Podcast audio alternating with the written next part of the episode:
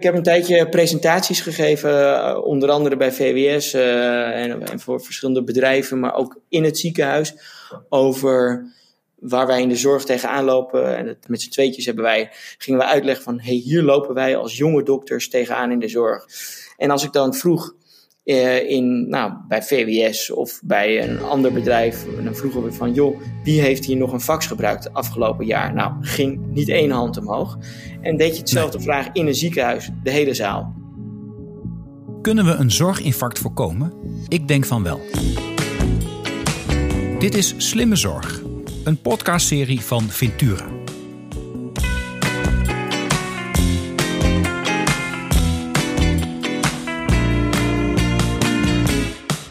Mijn gast van vandaag is Thijs Steeman. Thijs is kinderarts in opleiding in het Emma Kinderziekenhuis van het Amsterdam UMC. Hij is wiskundige en medeoprichter van Dr. Media en hij is de Chief Medical Officer bij startup Founda Health. Founda bouwt de Adyen van de zorg door moderne digitale applicaties slim en schaalbaar te koppelen aan bestaande zorgsystemen. En dat zijn veelal elektronische patiëntendossiers. Founda wil op deze manier digitale innovatie in de zorg faciliteren en versnellen.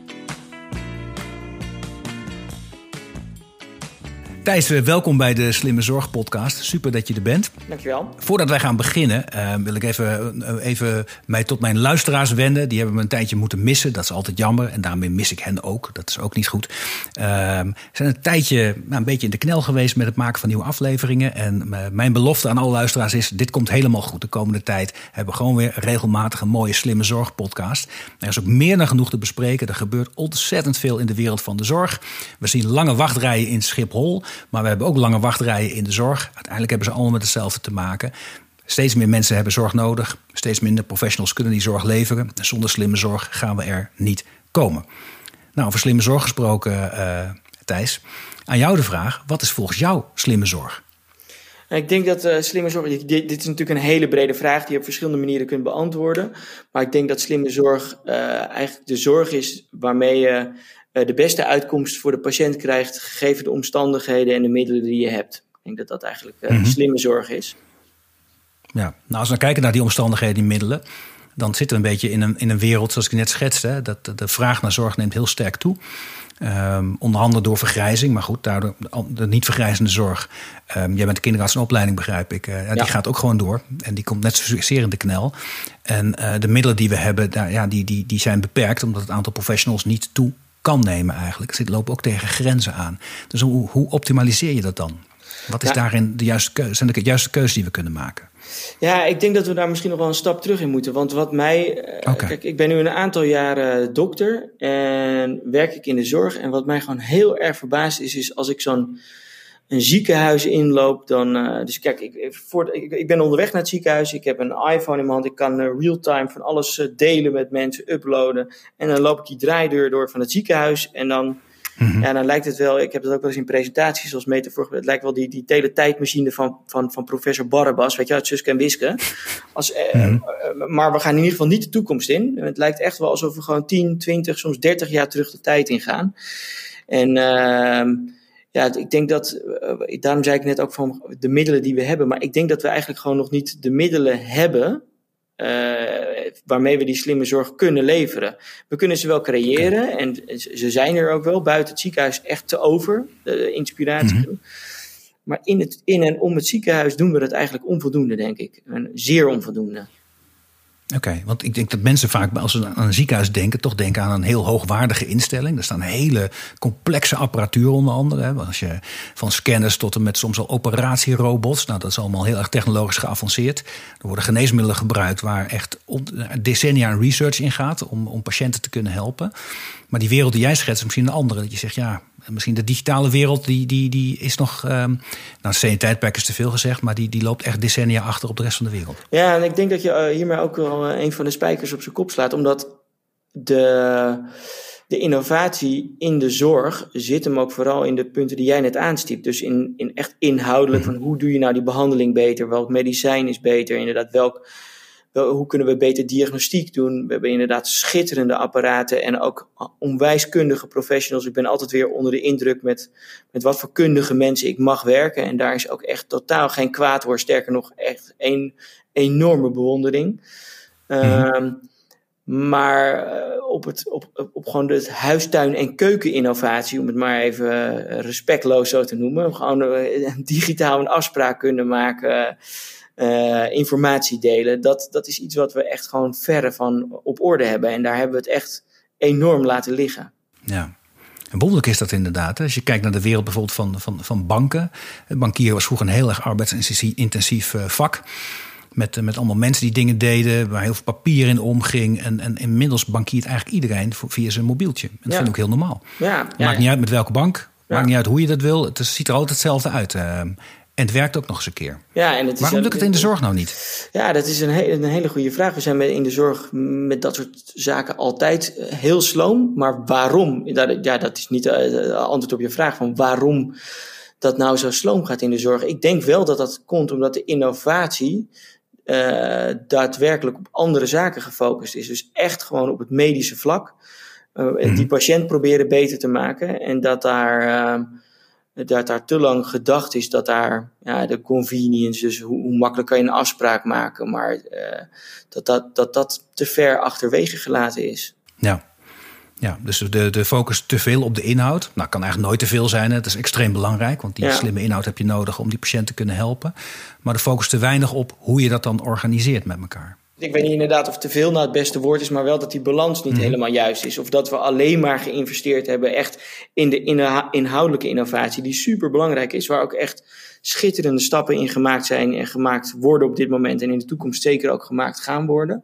Mhm. Maar om die stappen te kunnen blijven maken, is het wel fijn om nog steeds ook, uh, nou ja, eh, om uh, metaforen te gebruiken van stappen zetten en schoenen aan hebben. Ja, je moet ook een goede ondergrond hebben. En die ja, die, dat wordt wel steeds lastiger. Kijk, de wereld om ons heen is volledig gedigitaliseerd. En men, mhm. de, de patiënt, de consument, iedereen is daaraan gewend. Ik denk dat je ook net met dat bankenvoorbeeld heel erg goed aangeeft dat men dat. Uh, men wil dat ook gewoon. Men is nog steeds verbaasd dat je.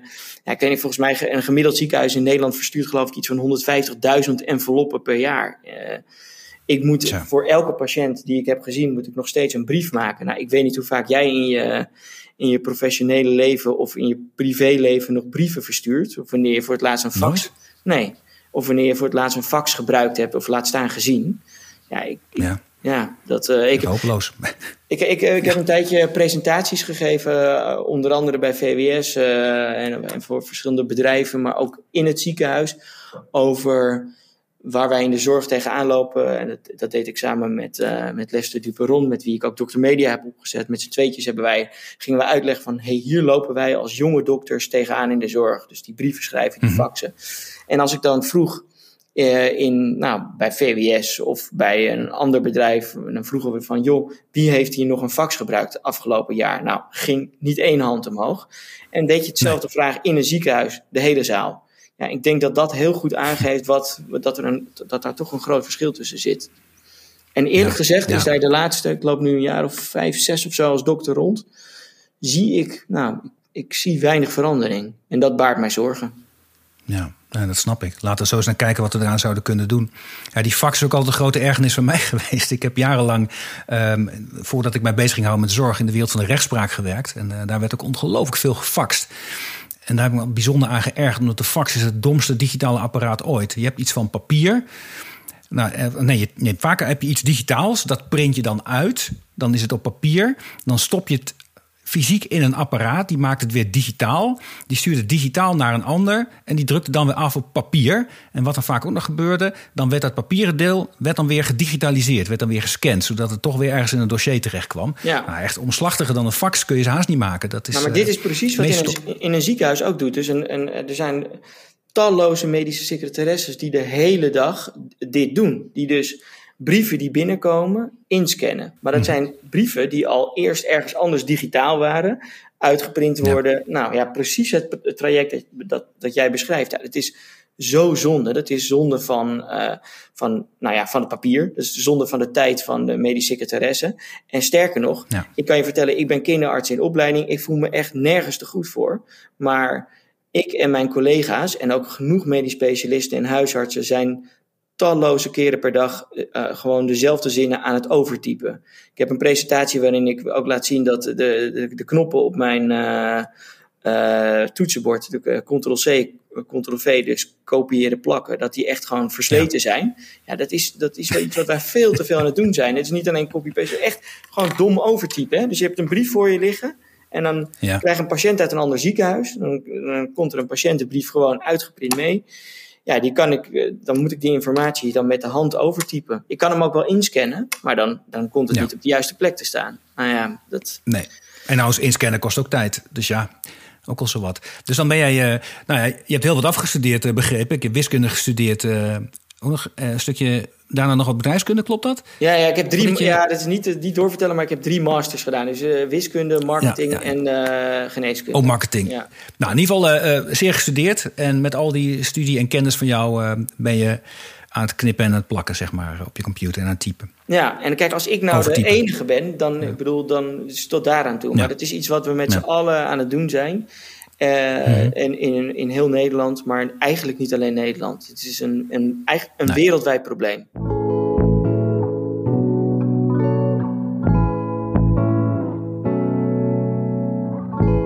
Nou, het probleem duidelijk. Um, ook heel herkenbaar, vind ik zelf. Als ik zelf kijk in de wereld van de zorg.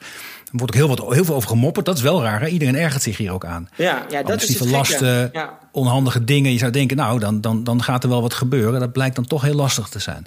Ja. Um, maar ik heb het idee dat, dat, uh, dat jij wel een van de mensen bent die probeert daar oplossingen voor te vinden. Kun je daar iets over vertellen? Uh, dat probeer ik zeker. Ik probeer het eerst ook te adresseren, omdat ik ook wel zie. Jij zegt, nou, iedereen herkent dit probleem. Ja. Mhm. Maar het is... Nou, niet als dusdanig misschien, maar we erg, kunnen, als ik met medische professionals praat, weten ze altijd een ergernis te benoemen. Dan hoeveel tijd ze bezig zijn met dingen invullen, overtypen.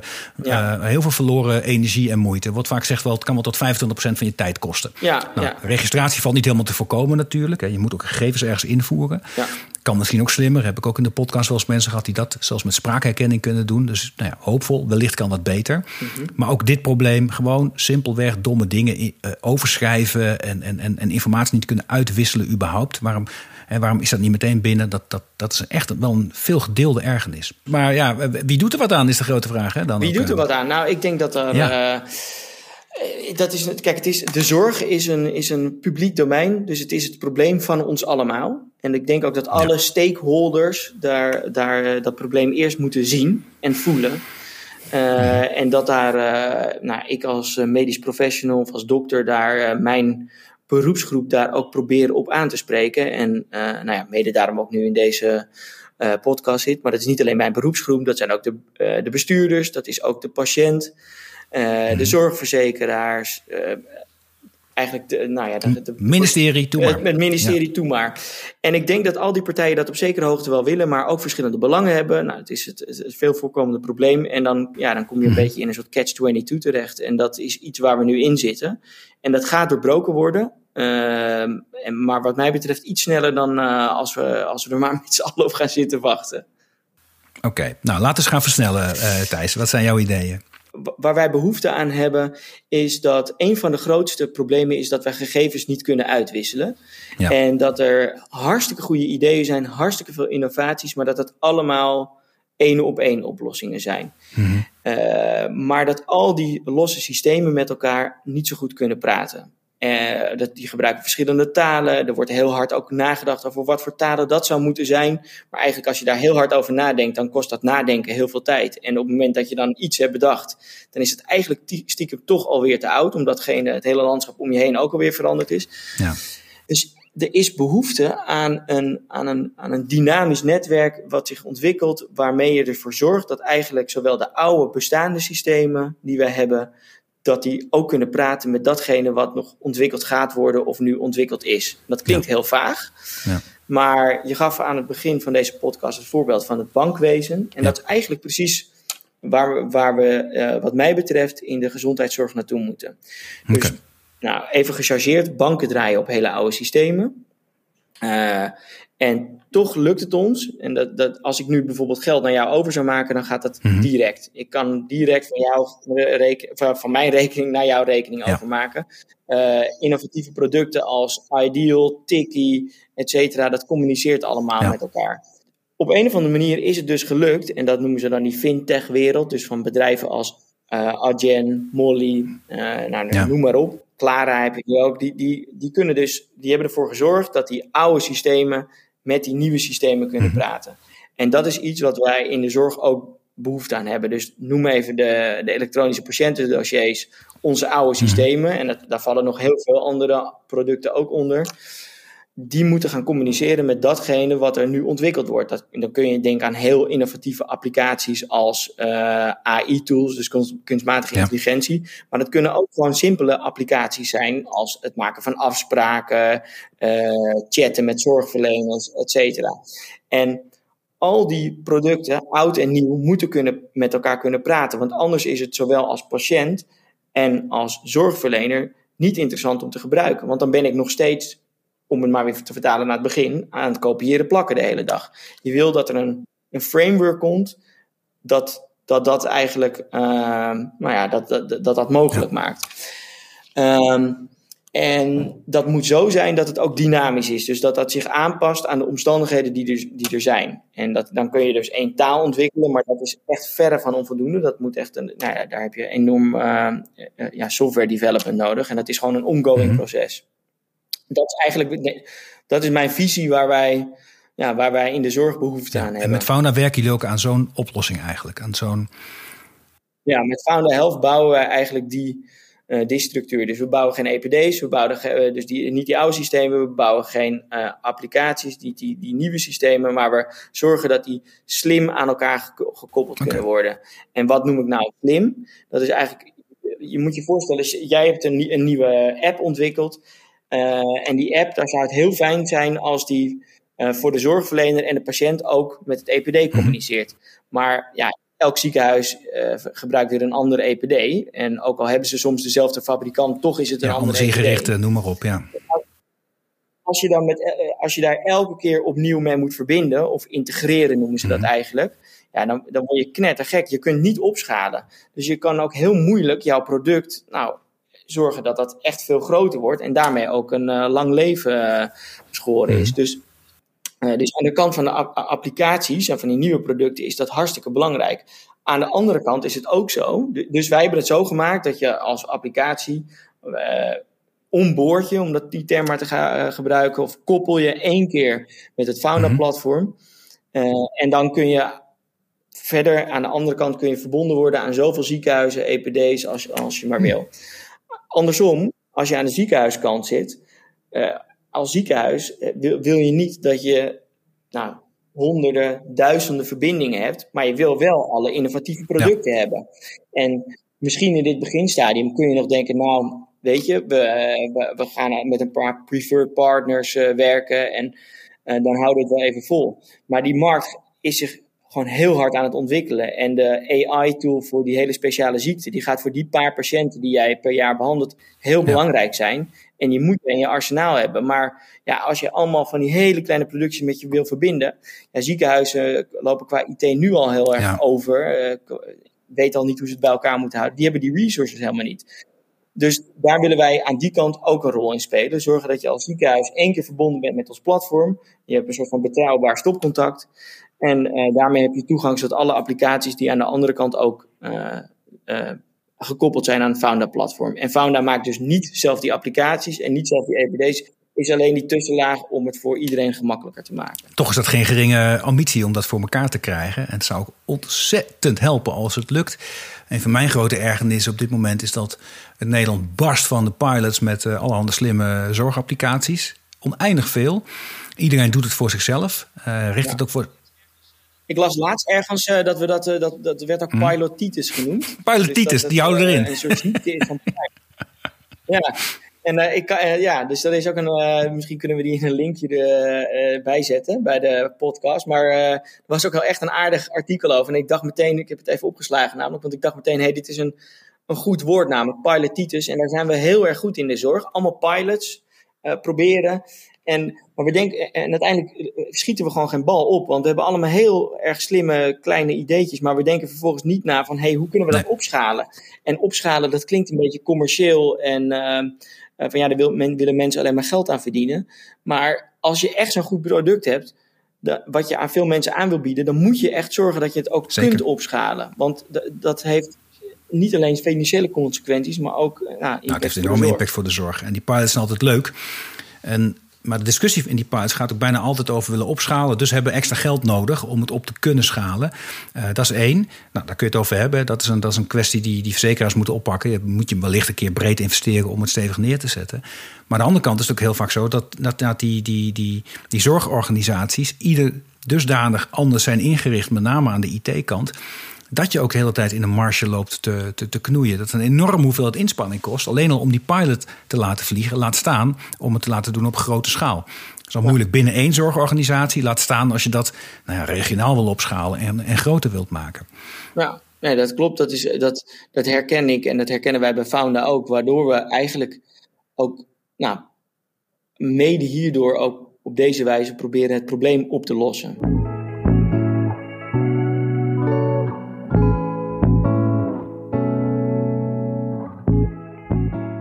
Hey Thijs, je hebt een hele grote droom waar je naartoe wilt. Ehm, maar je doet ook al volgens mij het een en het ander met, uh, met Founda. ja, dat klopt. Kun je daar een voorbeeld van geven? Ja, we, geven, uh, we zijn in een aantal ziekenhuizen zijn wij uh, live, zoals dat dan zo mooi heet. Kijk, mhm. ik denk dat het belangrijk is om te benadrukken, die droom heb je nodig om te weten waar je naartoe werkt. En het mhm. grotere plaatje te zien. Maar we zijn nu weer in een aantal ziekenhuizen live en dan beginnen we klein. Daarin uh, koppelen we het EPD aan, eerst aan één app en vervolgens aan meerdere applicaties. Een, uh, een, voorbeeld is bijvoorbeeld aan een applicatie waarbij uh, er vragenlijsten in worden gevuld. Die vragenlijsten die komen automatisch in het. eerst gebeurt er iets in het EPD waardoor er voor die patiënt een vragenlijst ingevuld moet worden. Die vragenlijst mhm. wordt uitgestuurd naar de applicatie van die patiënt en komt vervolgens, als hij ingevuld is, weer terug in het EPD terecht. En vervolgens krijgen de juiste personen daar een alert van. Dit is echt veel te simpel. Die doet eigenlijk tekort aan het EPD, het Founder platform en de applicatie. Maar mhm. hiermee kunnen we. Dit, nou, dit, dit is een patroon. En deze mhm. patronen die kunnen we eigenlijk voor heel veel verschillende applicaties kunnen we die gebruiken. Mhm. En zo hebben we een aantal patronen. En die patronen in ons platform, dat is eigenlijk de basis van ons platform. Oké, dus als je, als je, maar ook als je ergens begint hè, met dit patroon, misschien op één, op één spoor, op één zorgpad, dan, dan, en, en je hebt het ingeregeld in een ziekenhuis, dan kun je ook daar al gaan schalen. Zeg, hé, hey, maar dit werkt nu, dit kunnen we ook voor andere sporen gaan gebruiken. Ja, dat klopt. Ja, dus dan moet wel eerst die applicatie uh, koppelen aan ons Founder-platform. Ja. Maar aan de andere kant kunnen we dat dan met elkaar koppelen. Ja, en juist daarmee willen we ervoor zorgen dat het voor ziekenhuizen makkelijker is om applicaties aan, aan zich te koppelen. En niet alleen aan zich koppelen, want kijk, nu kun je denken van hé, hey, die applicatie die moet ik nu hebben. Uh, en, en dat is fijn als die geïntegreerd is. Maar het kan zijn dat je na een jaar denkt: ja, wacht even, de, de markt is weer veranderd, of het werkt helemaal niet, of ik wil die andere hebben. Dan wil je weer kunnen, uh, nou ja, net zoals je de, uh, de apps op je telefoon aan en uitzet, of verwijdert, of een ja. nieuwe toevoegt. Zo mm wil je daarmee om kunnen gaan. En okay. dat is waar wij naartoe werken. Ja, ja, en die apps worden continu geüpdate en dan werken ze toch nog. Dat is ook fijn. Uh. Ja, en dan werken ze ook weer. Dus dat is fijn. En dat is niet dat, kijk, dat is wat ziekenhuizen nu ervaren, is dat die app die verandert en dan moet je weer al die lijntjes één voor één gaan zitten plakken. Maar laten we laat dat nou andere experts doen en ga dat nou niet zelf in elkaar zitten klussen. Oké, maar het is ook echt aangroeien zijn. Dus je groeit van klein naar groot binnen één ziekenhuisorganisatie. En op termijn zou je van één ziekenhuisorganisatie naar steeds meer kunnen en willen groeien. Voor zover dat nu ja, dus niet je kunt van meerdere, dus uh, ja, want sommige ziekenhuizen gebruiken wel hetzelfde soort EPD. Ze hebben het allemaal net iets anders ingericht, maar de techniek daarachter is weer hetzelfde. En je mhm. moet het eigenlijk zien als er is een hele lange schakel hè, tussen, een, tussen een, aan de ene kant het EPD en aan de andere kant de applicatie. Mhm. En het de einde van die ketens is steeds net iets anders, maar dat hele tussenliggende traject, dat hebben wij al af. Dus wij hoeven alleen steeds die laatste connectors samen te, uh, eigenlijk te fine-tunen. Mm Nee, dus dat hoeft echt de belemmering niet te zijn. Dat, want dat hoor ik ook vaak inderdaad. Dat, uh, dat partijen zeggen, ja, dat is allemaal wel mooi en aardig, maar er zijn heel veel systemen, dus is het heel ingewikkeld. En uh, um, ja, dat is vast niet mogelijk om dit allemaal te doen. Keep on dreaming. Het is ook ingewikkeld. Het is ook echt, het is ook echt ingewikkeld. Mhm. En daarom denk ik ook dat het belangrijk is dat er andere, slimmere bedrijven, en uh, dan noem ik niet mezelf hier bij Fauna, ik ben maar de eenvoudige dokter, maar die slimme jongens, we hebben hier inmiddels een, uh, een mannetje en uh, ook, nou, volgens mij zijn zelfs meerdere vrouwen, developers zitten, mhm. die, die hele slimme dingen kunnen en bouwen. Die dit kunnen oplossen. Maar die, die innovatie gaat niet vanuit het ziekenhuis zelf komen. En met alle respect voor de IT-afdelingen daar, mhm. daar gaat dat niet vandaan komen. Die hebben echt hun handen al vol met datgene wat daar gewoon nu al op tafel ligt. Ja. daar hebben we echt andere partijen voor nodig. Ja, zoals de banken het ook niet zelf hebben verzonnen. Nee, die hebben het ook niet zelf. Nou, die hebben het vaak geprobeerd, mhm. maar het is uiteindelijk niet gelukt. Volgens mij heeft uh, KLM ook uh, meerdere keren geprobeerd uh, dat hele proces met al die, met die websites en die stoeltjes, als je je tickets koopt, allemaal zelf te bouwen. Maar inmiddels zijn het allemaal losse componenten die, die samengesteld zijn. Mhm. En wij ervaren het als één. Uh, maar het zijn eigenlijk allemaal losse componenten die om vanwege andere slimme systemen met elkaar kunnen praten. Ja. En dat is denk ik ook waar wij in de zorg naartoe moeten. Dus waar ik het zelf ook vaak mee vergelijk is, dus we hadden het net over de EPD's uh, verbinden met de applicaties. Dat suggereert nog heel erg één verbinding heen en weer. Ja. Ik denk dat zeker als je naar de toekomst kijkt, dat je het veel meer moet vergelijken met als jij nu een boek op bol.com bestelt dan doe je je boek doe je in, in je virtuele uh, mandje. Je zegt dat je wil betalen. Je wordt geleid naar, via Ideal word je geleid naar je bank. Mhm. Je doet daar je trucje. Je gaat vervolgens nog even heen en weer naar je telefoon. Dan ga je weer terug naar Ideal of je komt weer op een andere plek terecht. En vervolgens eindig je weer gewoon op de plek waar je begonnen bent. Mhm bent een hele reis heb je afgelegd, die je eigenlijk ervaart als één, nou, als één geheel. Verloopt ook heel soepel. Ja. Maar stiekem zijn het, ben je echt door, door allerlei losse componenten, losse systemen, losse applicaties heen gegaan. Dat is iets waar we in de zorg uiteindelijk ook naartoe gaan. Dus jij bent even weer naar een dokter vertaald. Mhm. Ik ben aan het werk uh, voor een patiënt. Ik werk in zijn dossier. Dat kan in een EPD zijn, maar ik kan ook in een applicatie werken die toevallig voor kinderartsen heel erg lekker werkt. Mhm. Ik moet uh, een aantal labwaarden ergens opzoeken met een interpretatie daarvan. Dan ga ik weer ergens heen of een beeldvorming of uh, misschien zelfs een AI-tool. daar komen misschien nog wat zaken. Misschien nog even heen en weer met die patiënt praten.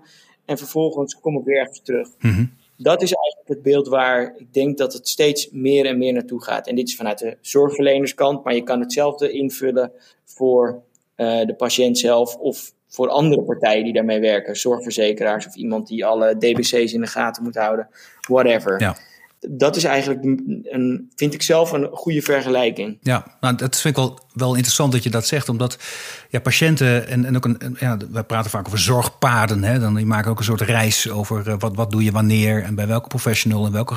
En dan moet je inderdaad ergens een test doen en dan komen daar weer nieuwe gegevens van. Dus die patiënt maakt een bepaalde reis door de zorg.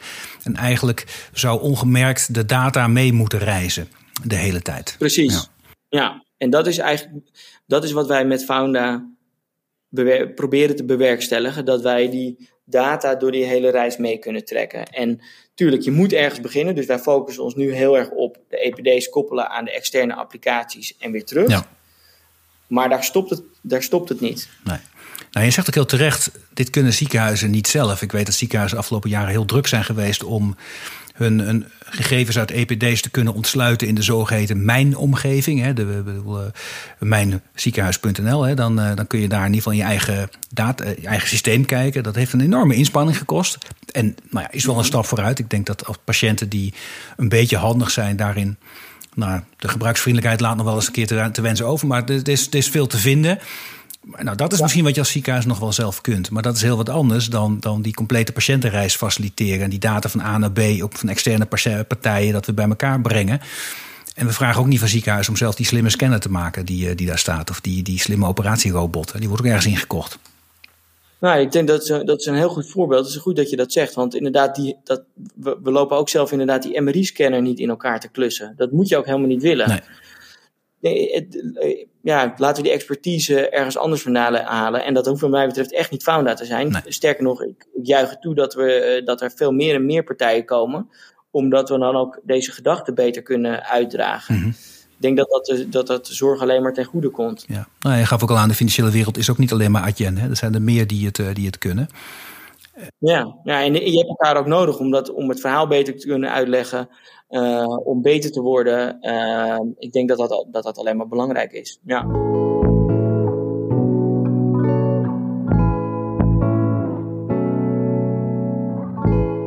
Je zegt, ik heb een paar slimme mensen werken, die maken dit soort, uh, die maken die applicatie. Is het een applicatie?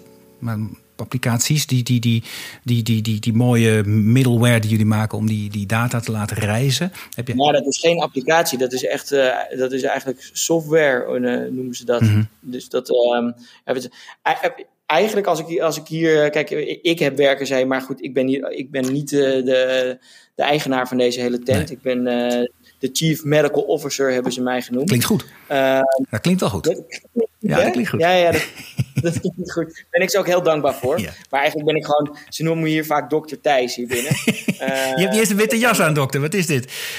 nee, nee. Nee, nee, ik heb hem van, uh, op, op, deze dagen bij Founda mag ik, ze, mag ik hem uitdoen. Ja. Nee, wat ik, uh, ik weet niet of je vraag dat eigenlijk ging zijn, maar als je vraag is wat, wat voor mensen werken ja. bij jullie of uh, ja, hoe doen we dat? Precies. Dat zijn mensen inderdaad die afkomstig zijn uit de financiële technologie of van andere start-ups of uh, mensen van Philips. Uh, we hebben hele ervaren mensen die echt al 20, soms 30 jaar in de zorg of in de zorgtechnologie werken. Maar we hebben ook hele jonge mensen van net voorbij de 20 die uh, vanuit uh, naar heel Europa en soms ook daarbuiten hierheen komen of op afstand werken. Dat kan ook. Ja. En uh, de hele dag aan het programmeren zijn. Dus dat, om dat product nu steeds beter te maken en goed te kunnen bouwen. Ja, ik vind het fascinerend. En ik denk dat het een besef is dat heel veel mensen niet hebben. Dat om de zorg beter te maken, je dus dit soort ja, moet je het zeggen, WizKids nodig hebt die, die, die software bouwen. Om, om, ja. ja. nou ja, ik denk dat, je, het schiet me opeens te binnen, maar ik, ik heb ook wiskunde gestudeerd. Mhm. En ik weet nog ergens in het begin, in de jaren nul was dat, uh, zei mijn, uh, een van onze hoogleraren, die gaf ons financiële wiskunde. Mhm. En die zei, jongens, als je nu naar die beursvloer kijkt, daar lopen allemaal heel veel handelaren, die lopen daar heel druk te doen. Uh, en allerlei verhandelingen te doen, dwars door elkaar heen te tetteren. ik voorspel je, over tien jaar is die vloer leeg. Er loopt daar niemand meer. Mhm. En hebben wij het voor zeggen. En met wij bedoelde hij de WizKids. Mm Ik ben daar helemaal niet heen gegaan. Maar hij heeft wel gelijk gehad.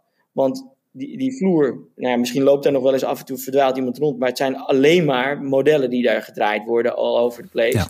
Ja. Um, en dat, ja, de een is nog ingewikkelder dan het andere. Iedereen is de hele dag bezig met hatchen en weet ik. Ik, ik heb daar verder me niet meer in verdiept. Maar ik vind dat wel, dat zijn wel de WizKids, om dan weer daarbij terug te komen, die daarbij overgenomen hebben. En ik denk dat we daar, nou ja, daar moet je gebruik van maken. Want dat gaat je wel verder brengen op dit vlak. Ja.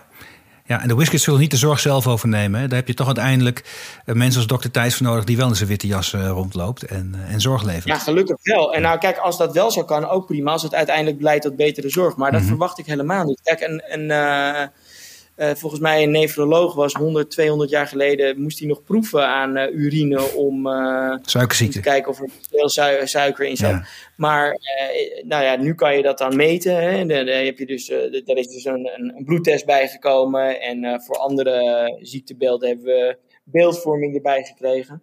Ik denk zelf dat uh, de kunstmatige intelligentie die, en de WizKids gaan ons een extra tool geven die je, waardoor je beter advies kan geven. Maar geen van die dingen vervangt volledig de dokter, want er is altijd nog de interpretatie van al die losse gegevens. En die moet je samenbrengen en dan nog eens vertalen naar jouw patiënt. Ja, ja en dan is iedereen uniek. De, de, dus er kunnen hele andere omstandigheden zijn waardoor die patiënt wel of niet die behandeling wil of kan hebben. En uh, dus ik voorzie daarin helemaal niet een uh, het verdwijnen van de dokter of de verpleegkundige of de handen aan het bed. Hmm. Wel denk ik dat die rol op deze manier verandert en ook andere vaardigheden uh, verlangt. Ja. Maar dat is niet erg. Dat is, nou ja, dat, dat, dat heb je bij ieder beroep. Uh, ja. Dat heb je bij ieder beroep. Ik hoef gelukkig die urine niet meer te proeven. nee, nee, nee, dat is dan toch weer een meevaller inderdaad. Eh. Nee, maar... Daar ben ik ze wel dankbaar voor. nee, nee, we blijven hier van de innovatie houden. Dat is wel weer duidelijk. Eh. Dat is hartstikke dus, goed. Dus het is wel, uh, we zijn wel van die urine af, maar, ik, maar uh, we zitten nog wel met die fax. Dus dat, dat, daar moeten we gewoon toch echt vanaf. Ja, precies. En, ik, en dat leidt ook, kijk, als ik nou de hele dag zou moeten faxen en het, dat gaat niet ten koste van de zorg, nou dat is dan tot daar aan toe. Mm -hmm. Maar ik zie gewoon dat het leidt tot slechtere zorg. Gegevens gaan verloren. Uh, uh, je moet je voorstellen, als jij een patiënt op de spoedeisende hulp krijgt, die, uh, waarvan je die niet meer kan praten, of om wat voor reden ook, of niet goed kan communiceren. En die is niet bekend in jouw ziekenhuis, maar wel bij vijf andere zorgverleners. Je hebt geen idee. Je weet niet of die medicijnen gebruikt. en dan zou je overdag nog kun je zeggen, nou ik ga de huisarts bellen. Sowieso al raar dat je dan nog moet bellen. Uh, sta je weer in de wacht. Ja. Maar los daarvan, in avond- of nachtdienst of in het weekend, dan kan dat allemaal niet. En, en dit veronderstelt trouwens ook nog eens dat die huisarts weet wat de meest recente medicatie is van die patiënt. Nou, dat weet hij ook niet hoor, want die patiënt die komt wel misschien bij een cardioloog en een longarts of uh, in, in, in, verschillende ziekenhuizen. Je weet het niet. Nee. Dus dat is iets. En ja, dat, dat er zijn. Ik denk dat ook patiënten te weinig doorhebben hoe slecht geregeld dit is. Voormalige minister Bruno Bruins, uh, die zei mij ooit eens uh, dat, uh, dat was wel wat gechargeerd. Die zei de enige medische, of de enige digitale medische snelweg die wij hebben. Nee, het was niet eens digitaal. De enige medische snelweg die wij hebben, dat is dan de patiënt in de, in de ambulance met de CD-ROM met zijn gegevens op zijn buik. Dan, dan kunnen we het digitaal uitwisselen. Ja, dat, is, ja, nou, dat, die, dat heb ik nog, die kende ik nog niet, maar dat, dat beaam ik wel. Ja. Ja, ik ben soms letterlijk echt waar op zoek naar, want jij zegt nu CD-ROM. Mhm. Maar dat wordt dus echt gedaan. Hè? Dus er worden de beeldmaterialen worden geprint op. Uh, ja, ja, een soort van gebrand dan, ja. ja. Gebrand op. Uh, ik, ik, heb het zo lang niet meer gedaan dat je dat eigenlijk niet meer weet. Hè? Maar Mijn computer kan dat niet eens meer. Er zit helemaal geen. geen, geen... Nee, nou, dat wilde ik net zeggen. Want dan komt dus iemand aan met een CD-ROM. Mhm. En dan ja, ga jij maar zoeken naar een, een, computer in het pand die dat nog kan. dus dan ben je als. Nou, dan ben je dus als dokter of verpleegkundige ben je dan op zoek naar een CD-ROM? Ja, ik, ik kan er niet bij. Ik snap niet wat het is, waar, waar, waar, waarom, wij zo, waarom we dit toestaan. Mhm. Nou, en ik, ik, weiger dat toe te staan. Uh, en uh, met mij hoop ik steeds meer zorgverleners die daar uh, hun schouders onder willen zetten. Ja. Nou ja, en dus mensen zoals, zoals jij, die, die samen met je collega's bij Fauna proberen daar een oplossing voor te vinden. En de droom is groot, het begin is er. Hoe maken we nou van dat begin, hoe, hoe overbruggen nou het begin dat er nu is richting die grote droom? Die er dat misschien gebouwd kan worden en licht gebouwd kan worden. Wat is er voor nodig, Thijs? Wat hebben jullie nodig om die stappen te kunnen zetten?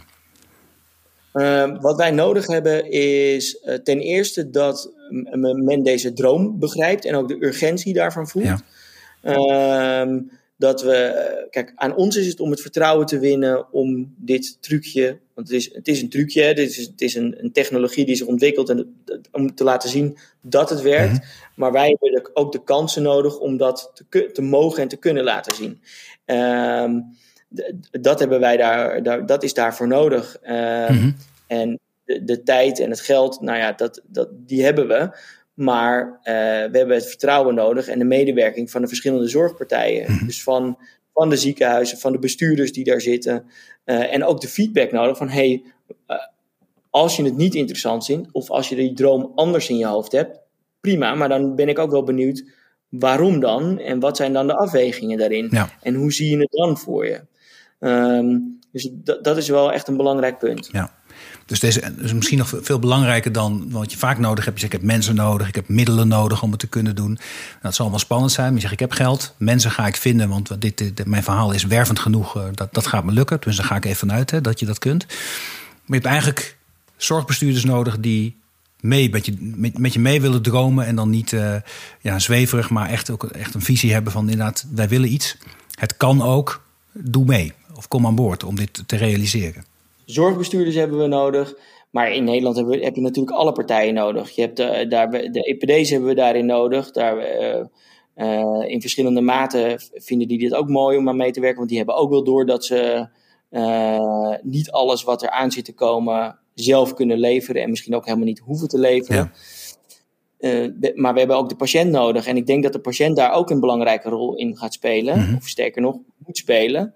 En als die dat niet nodig vindt, dan zou het me heel erg verbazen. Maar ja, er zijn steeds meer en meer patiënten die vragen om digitalisering. Ook al die, je had het net over die mijnprogramma's, dat je zelf bij je gegevens kan. Ja. dat wordt in veel ziekenhuizen wel gebruikt. En veel, ook sterker nog, ook door oudere mensen. Waarbij eerst werd verondersteld, nou, wat, iedereen boven de 60 die heeft daar geen interesse in. Ja. Nou, dat blijkt dus eigenlijk wel heel erg tegen te vallen. En dat is, of nee, dat blijkt dus eigenlijk heel erg mee te vallen. Ja. Want, uh, en zo gek is dat ook niet. Want de meeste mensen boven de 60, dat, mijn ouders zijn ook al uh, boven de 60, ja, die hebben gewoon een mobiele telefoon. Die kunnen ook wel geld digitaal overmaken en nog wel meer dan dat. Dus dat zo gek is dat eigenlijk niet. Nee, dus nee we onderschatten patiënten enorm. Ik had in deze podcast Godfried Bogaerts van Beter Dichtbij... die daarover een heel mooi verhaal had. Die nou gaat Beter Dichtbij behoorlijk opgeschaald inmiddels. Dat is wel een mooi voorbeeld. Maar die vertelde ook, die komt overigens ook uit de bankenwereld. Dus die heeft gewerkt in het begin van al die digitale apps in de bankenwereld. Dus die, die, die had dezelfde parallel. Kan bijna geen toeval zijn. Maar die vertelde ook dat als hij dan met, met, met zijn verhaal over... Hey, maar je moet gewoon met, patiënten een app geven... Waardoor, uh, waardoor ze echt toegang hebben tot belangrijke gegevens... en dus ook makkelijk contact op kunnen nemen met een ziekenhuis. Waar ik ook kwam, was het altijd het antwoord: ja, dat zou mooi zijn. Maar in mijn ziekenhuis of in mijn regio, daar zijn de digitale vaardigheden van mensen echt veel minder dan elders in Nederland. Dus ja, daar kunnen wij nog niet aan beginnen. Alleen zeg wat, op een bepaald moment had ik dat verhaal overal gehoord. En dus kon het niet waar zijn. Want de werkelijkheid is dat er natuurlijk veel meer mensen wel digitaal vaardig zijn dan mensen die het niet zijn. En ga dan uit van wat de meerderheid wel kan. En, en, en dan kun je altijd nog een brief sturen voor degene die, het niet, uh, die dat niet, die anders niet kan. Nee, de, ik zie daarin ook geen verschil tussen de zorg en andere uh, industrieën of takken van sport. Nee. waarom wij dit wel per brief iemand zouden moeten uitnodigen en de bank niet. De, de bank stuurt mij inmiddels ook geen brieven meer. Heel soms nog wel. En daar ben ik dan eigenlijk altijd over verbaasd. Ja. Dat, dat is helemaal niet nodig. Dus daar, daar moeten we ook vanaf. En ik merk gelukkig wel bij heel veel ziekenhuizen en ook bij veel bestuurders dat ze die urgentie wel voelen. Ja. Uh, maar wel eigenlijk per ziekenhuis zelf proberen de oplossing te vinden. Ja. En dat doet iedereen toch op zijn eigen manier. Er, worden wel, er wordt wel samengewerkt. Maar toch om nou echt gezamenlijk die visie uit te rollen, dat, dat, ja, dat vinden we moeilijk in Nederland. En dan, dan heeft iedereen inderdaad een eigen regio die dan, ja, die dan anders lijkt te zijn. Maar dat durf ik wel uh, te challengen, eerlijk gezegd. Of dat echt zo is.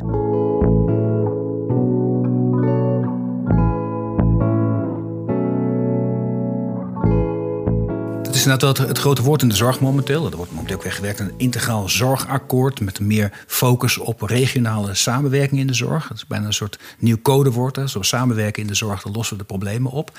Nou, laat het nou is waar zijn. Stel nu dat het een goed idee is dat je als je regionaal samenwerkt, dat je dan de zorg beter kunt organiseren, patiënt beter kunt bedienen, et cetera.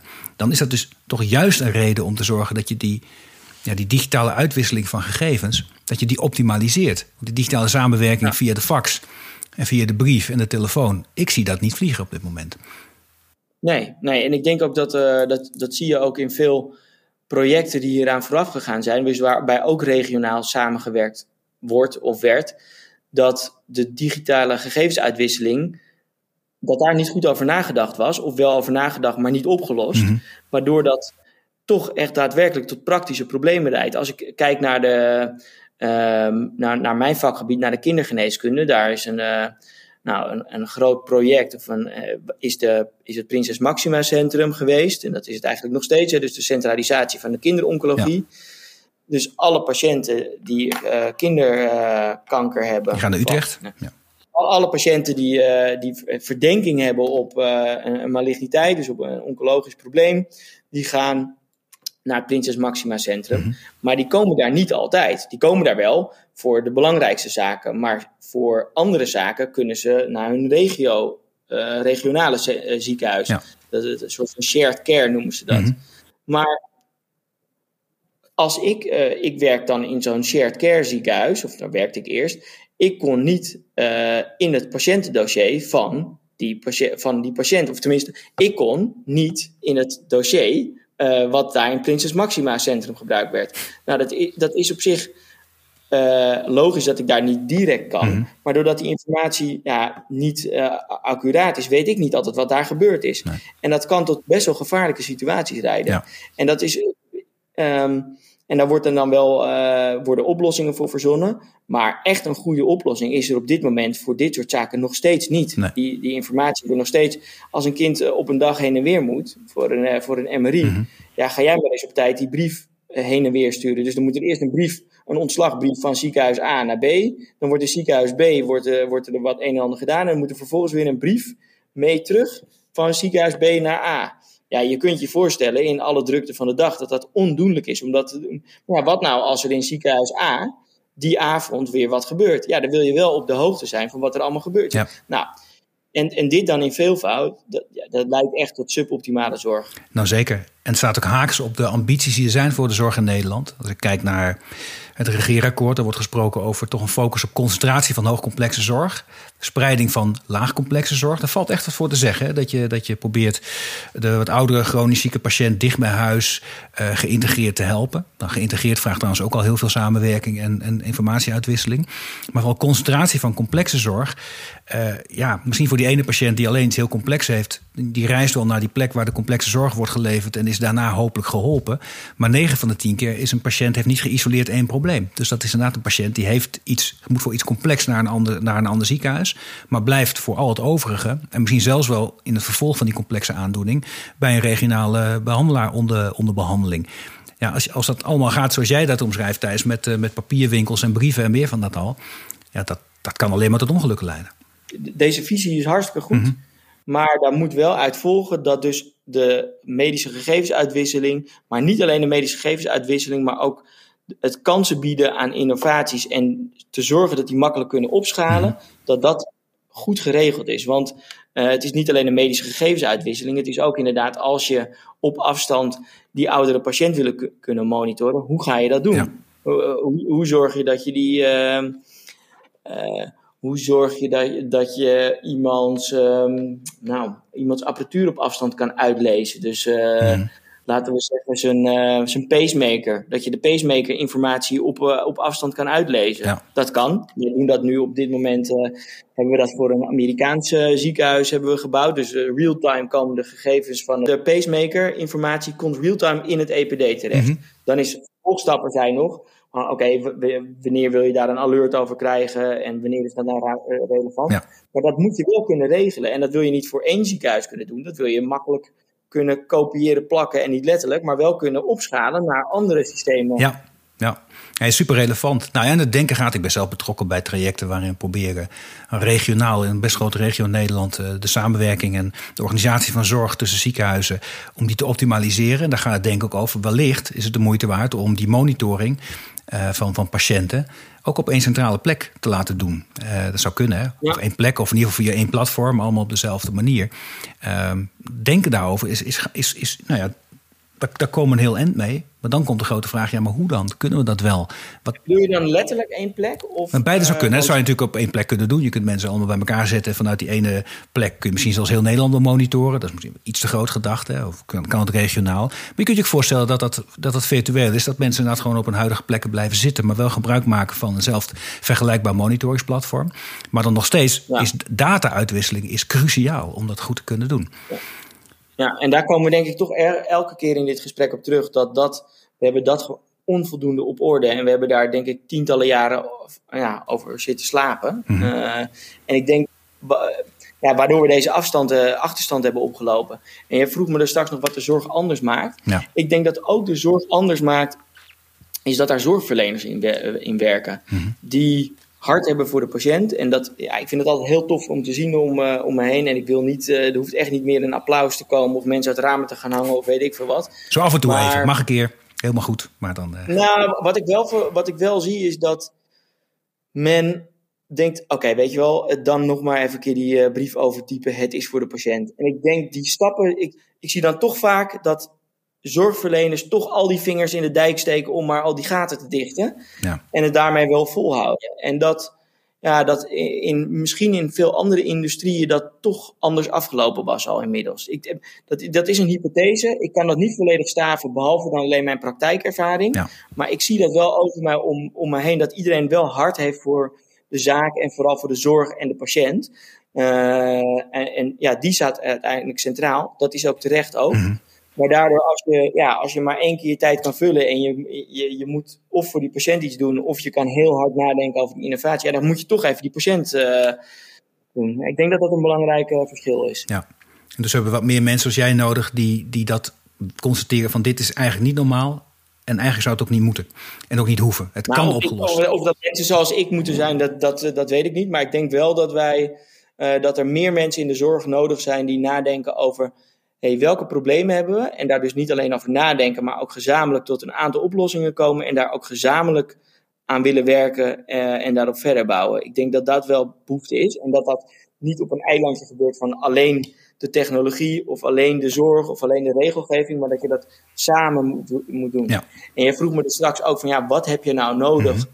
van andere partijen om uh, Founda tot een succes te kunnen maken? Ja, daarmee hebben we inderdaad echt het vertrouwen nodig van al die partijen. Dan moet je ook voelen van hé hey, jongens, uh, we, leven nu eenmaal in 2022, straks in 2030. Mhm. De technologie ja, je kan niet meer zonder telefoon, uh, zonder Google, uh, et cetera. En daardoor moeten we ook gewoon de hele health tech is een hardkomende industrie. Daar moeten we mee samenwerken. En dat, dat wederzijdse respect, vertrouwen, het leren kennen van elkaar, dat hebben we nodig. En daarmee kunnen wij als founder, als health tech beter worden. En daarmee kunnen ook de ziekenhuizen beter worden. En daarmee kan uiteindelijk ook, nou, de overheid kan daar veel beter van worden. Want die, die, ja, die is uiteindelijk ook mede verantwoordelijk voor dit hele zorgsysteem. Wat hier wel echt, uh, mijn inziens, uh, onder leidt. Ja, nou ja, ik weet dat, dat is wel politici, maar ook heel veel, met name ook ambtenaren die deze problemen wel zien, vaak niet weten hoe ze die moeten oplossen.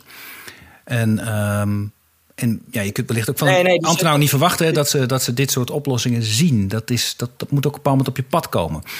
En ja. dan moet je het ook Nou, dat, dat, dat, dat valt mij ook op. Ik heb in. Uh, uh, ik, ik, op veel plekken uh, praat ik hierover. Mhm. En vaak wordt er dan inderdaad, komt iedereen wel met een voorbeeld van: oh ja, ik was zelf een keer door een dokter, of ik was laatst met mijn moeder of met mijn oma. we moesten het ziekenhuis in. En jeetje, ik wist niet dat het zo erg was. En toen ben ik daarmee aan de slag gegaan. Ik heb ook een aantal keer presentaties dus mogen geven bij VWS. Onder andere in en om het informatieberaad. En ook daar sprak ik mensen die het pas ervaarden in het echt. En toen ook gingen nadenken van hé, hey, dit moet anders. Ja.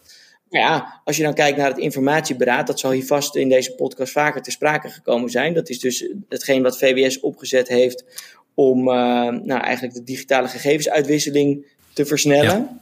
Ja. Uh, op zich een hartstikke goed initiatief. Maar de eerste keer dat ik daar was, werd er aan het einde van de dag gevraagd van ja, nou, wie zijn hier allemaal in de zaal? toen was er ook de vraag van hoeveel mensen zijn hier nou zorgverlener? Mhm. Nou, ik was daar samen met, uh, met mijn uh, compagnon, die uh, ook arts is. En wij waren de enige twee dokters in de hele zaal.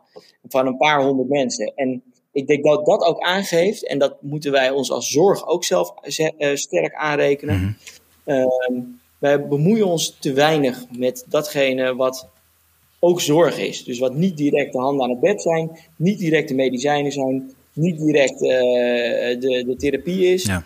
maar wat ook onderdeel is van die zorg. En daar, dat, dat, ja, daar, daar kunnen wij beter in zijn. En daar moeten de dokters onder andere ook een rol in spelen. Ja, dus ook iets vinden van hoe kun je zorg beter en slimmer organiseren? Hoe kun je zorg beter en slimmer digitaliseren? En hoe kun je informatie uitwisselen? Ja, en dat moet niet een doel op zich zijn. Hè? Dus iets wat niet digitaal uh, uh, beter is, moeten we ook zeker niet doen. Maar ik denk wel dat, uh, dat de digitale gegevensuitwisseling beter is dan de gegevensuitwisseling die we nu hebben. en het suggereert eigenlijk ook dat we het nu, nou, hoe we nu werken, dat, ja, er wordt dan, dat, ik denk dat dat nog een belangrijk punt is om aan te stippen. Mm als je de discussie hierover voert, wordt vaak aangedragen dat bijvoorbeeld privacy een issue is. Mm dat het gevaarlijk is om, uh, om, om gegevens digitaal uit te wisselen. Daarmee suggereer je dat we het eigenlijk nu hartstikke goed qua privacy op orde hebben. Mhm. Maar met al die losse papieren, dat kopiëren, plakken, uh, van het ene computer naar de andere, een CD-rommetje hier. Ja, is vreselijk.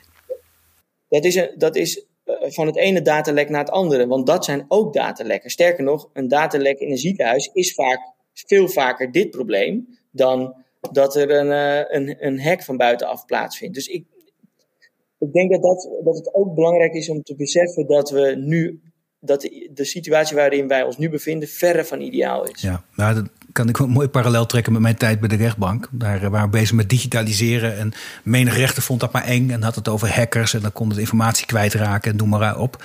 Maar het grootste uh, we hebben toen twee, twee hele grote dataproblemen gehad. Dataprobleem 1 was een rechter die zijn tas met een heel dossier in de trein had laten staan. dat, als dat er nog een laptop was geweest met een wachtwoord, dan was het beter beveiligd geweest dan die hele tas met al die eh, gevoelige stukken erin. En een dossier dat gewoon letterlijk fysiek was, maar kwijt. Was ergens neergezet en dat is weg. En ja, vind het dan maar weer eens terug. dus nou ja, ook dat is vaak. er wordt te veel waarde gehecht aan papier alsof als ware dat veilig. Het is echt niet zo. Nou, En ik denk dat dat ook echt heel goed aangeeft de onwetendheid, bijvoorbeeld bij die. Je zei net, de rechters vonden dit spannend, hè? Maar ik denk dat het ook vooral onwetendheid is. Want dat, ja, dan zeg je, ja, wat nou als we gehackt worden? Ja. dan is het wel belangrijk om te weten, wat is de kans daarop überhaupt? En, en ga met elkaar uh, een dialoog aan. Ik denk dat dat echt het belangrijkste is dat we nodig hebben. Mhm. Laten we de, de, de, de zorg goed laten praten met die techwereld en zorgen dat het echt een health tech wordt. Dat, uh, dat, dat dat echt een, een gezamenlijk onderdeel is. Of een ja, gezamenlijke tak van sport. Waarvan we, waar we elkaar begrijpen en zorgen dat we ook naar hetzelfde doel toe werken. Dat je van elkaar kan leren dat die, dat die slimme tech-jongens beter begrijpen hoe de zorg werkt. En dat de zorg beter begrijpt van wat hebben we nou aan die techwereld. En dat is wel iets wat nu veel en veel te weinig gebeurt. Ja, ik vind het een hele mooie oproep eh, zo aan het eind van ons gesprek, eh, Thijs. Ik heb eigenlijk aan nog één vraag. Er wordt momenteel onderhandeld over een zogeheten integraal zorgakkoord. Nou, dan proberen alle partijen weer voor de komende jaren uit te tekenen van hoe de zorg eh, in Nederland eruit zou moeten zien om alle problemen die er zijn het hoofd te kunnen bieden. Als health tech ondernemers zitten jullie daar aan tafel?